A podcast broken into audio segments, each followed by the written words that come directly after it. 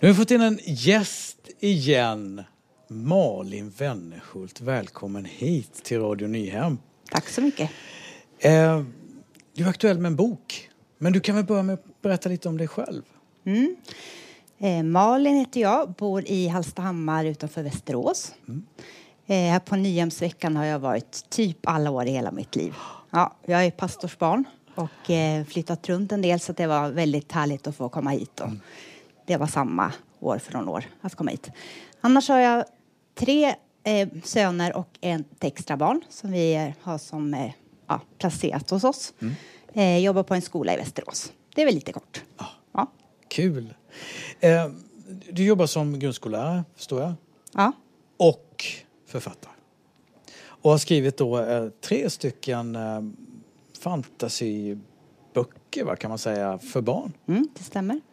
Och, och, eh, nu har du, jag ska inte säga att du har sållat om, men nyligen så kom det en bok som ligger på mitt nattduksbord som heter Alla dina dagar. Och vi ska prata lite om den nu för det här är, är jättespännande eh, på många sätt. Eh, och inte minst för att eh, min första pastor kan man väl nästan säga som jag kommer ihåg väldigt väl och som jag skrattade otroligt mycket med, det var din pappa. Så det här är ju något speciellt då, att, att du är här och har skrivit den här boken. Um, men hur, hur kom det sig att du kom på att du skulle skriva den här, den här boken efter de här fantasyböckerna då som du har skrivit innan? Eh, det var nog när pappa, som du berättade om, när han dog väldigt eh, hastigt och oväntat för tre år sedan. Så eh, hade han ju massor med dagböcker kvar och brev och grejer. Mm. Och sen eh, jag visste ju att den berättelsen om min mamma och pappa intresserade människor. Mm. För att eh, min mamma blev sjuk när hon var 33 år och pappa bestämde sig för att vårda henne och ta hand om henne i hela, hela hennes liv. Mm. Hon dog när hon var 54 år. Och, eh, vi kanske bara, ursäkta mig, ja. bara berätta vad din pappa ja, heter. Han heter ja, precis. Han heter Per Axelsson mm. och är son till Sven Saxe Axelsson. Och min mamma heter Viola. Um, så då, då tänkte jag att nej men, det kan inte bara vara så att mamma och pappa inte finns längre. Mm. Och barnen var små så jag tänkte nej men jag skriver en bok om dem. Så som jag minns det och så som jag kan läsa i deras dagböcker och i deras brev. Mm. Så att det får vara kvar. Men hur kändes det att skriva om sina föräldrar? Det måste vara väldigt speciellt ändå.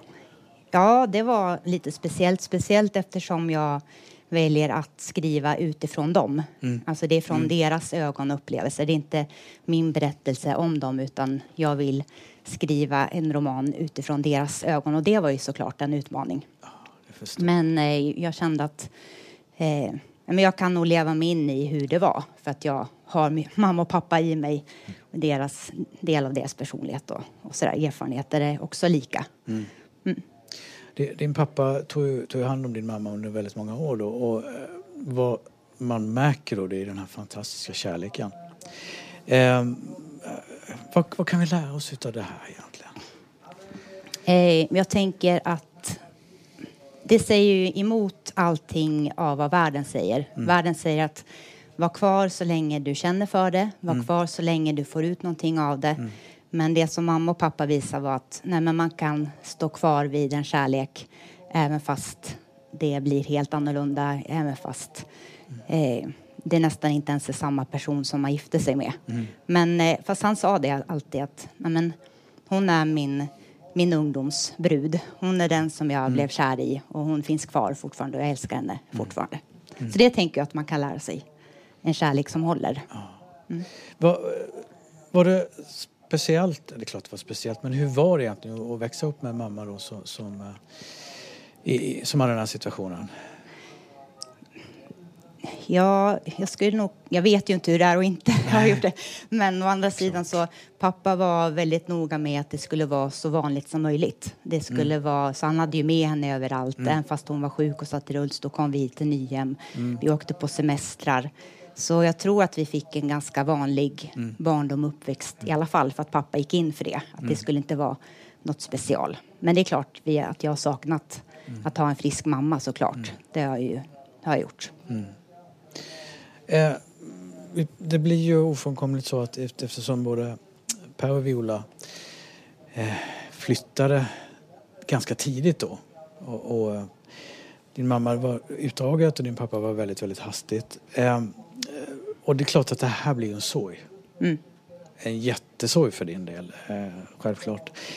Eh, hur, eh, när man lever med den här typen av sorg så, så är det lätt att man, man, eh, man ska försöka som är, vara medmänsklig då va? och kanske säga hör av dig om, om, om du behöver mig. Men, men eh, jag, jag har förstått efter samtal eh, att det är väldigt, det blir att man lägger över det här på den som har sorg istället för att ta initiativ från, från som en medmänniska. Va, va, vad känner du för de här bitarna?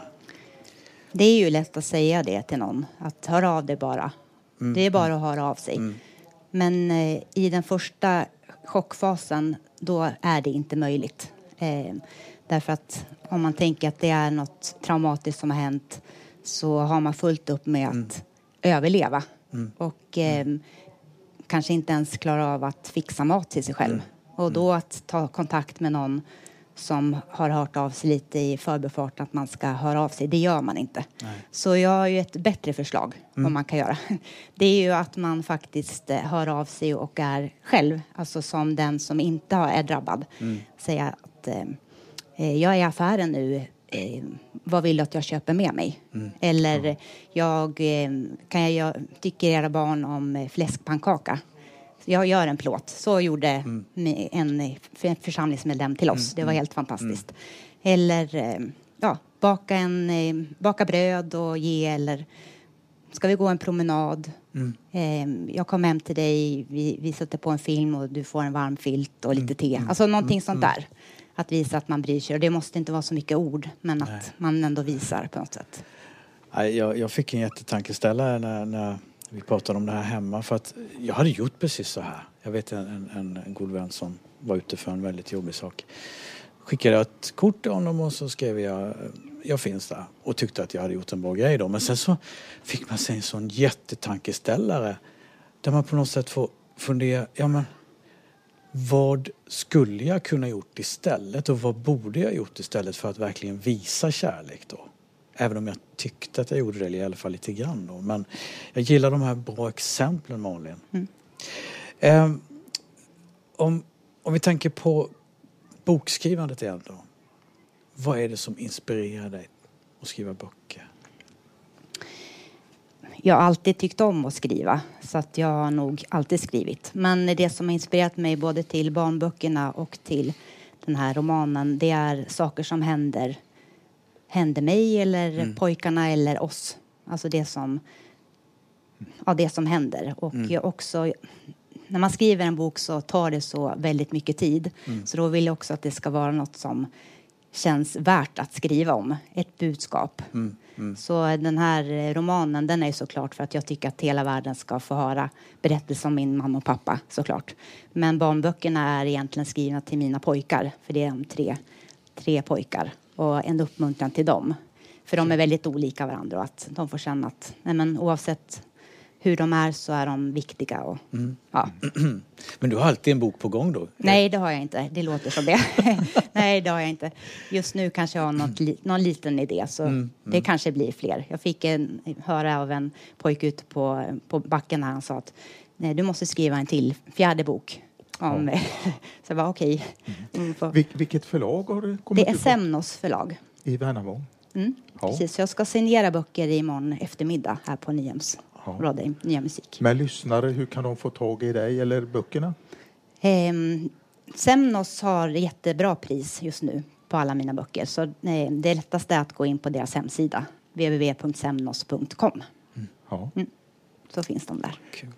Och eh, om man tänker eh, böckerna för barn, där vilken åldersgrupp ungefär?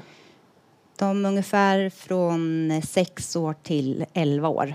Men ehm, det är inga bilder och det är kapitelböcker så att för de yngsta barnen kanske man behöver högläsa dem. Men jag har skrivit oss att det ska gå att läsa högt. Och för 11-åringar kanske den är lite för enkel om man är van att läsa till exempel Harry Potter. Då är den för, för enkel. Men om man inte har kommit igång riktigt att läsa och vill läsa en spännande bok så passar den. Ja. Jättekul.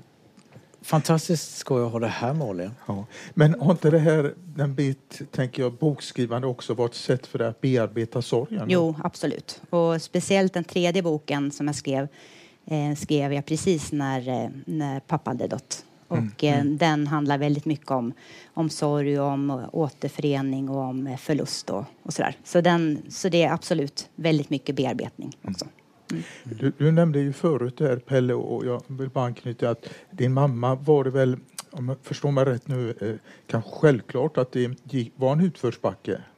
Men din pappa det kom helt apropå Ja, så var det. och, och det är många gånger svårare. Det var Sorgen alltså. Ja, det, var, det går nästan inte att jämföra de sorgerna. Nej. För att om sorgen efter mamma py- pyste ut under många, många år så drabbade ju sorgen efter pappa så totalt och fruktansvärt. Så var det. Så det var jättestor skillnad. Samtidigt så var den där sorgen efter mamma svår också för att det var ju lite som att sörja någon som fortfarande lever och finns. Den var lite, det var också svårt. Mm. Ja. Men då har ditt bokskrivande det, det har varit medicin för dig? Om man Ja, det kan man säga. Absolut. Ja. Ja. Vad härligt att du har skrivit ner det. Förlåt uttrycket härligt, men vad bra att du har skrivit ner det så att andra kan få ta del av det. Ja, och jag, upplever, jag har fått höra väldigt många som säger att de har blivit berörda och, och uppmuntrade av speciellt romanen. Så att det, det gör mig jätte, jätteglad. Det är väl fint beröm? Ja, Betyg eller vad man får säga. det är otroligt fint. Ja. Jag, jag känner att jag blir berörd av det du berättar här Malin på många sätt. Eh, Jättekul att du kunde komma hit och vara med idag och lycka till med signerandet idag. Det var idag va? Nej, imorgon. Imorgon. Ja, 17.30. 17.30 imorgon. Nya Ursäkta musik. mig. Och naturligtvis för, med, med resten. Och, och vi hoppas då att det blir fler böcker här Malin. Ja, använd pennan. Ja, Gör det. ja, det ska jag göra. Behövs fler. Ja. Absolut. ja, det var roligt att komma hit. Ja.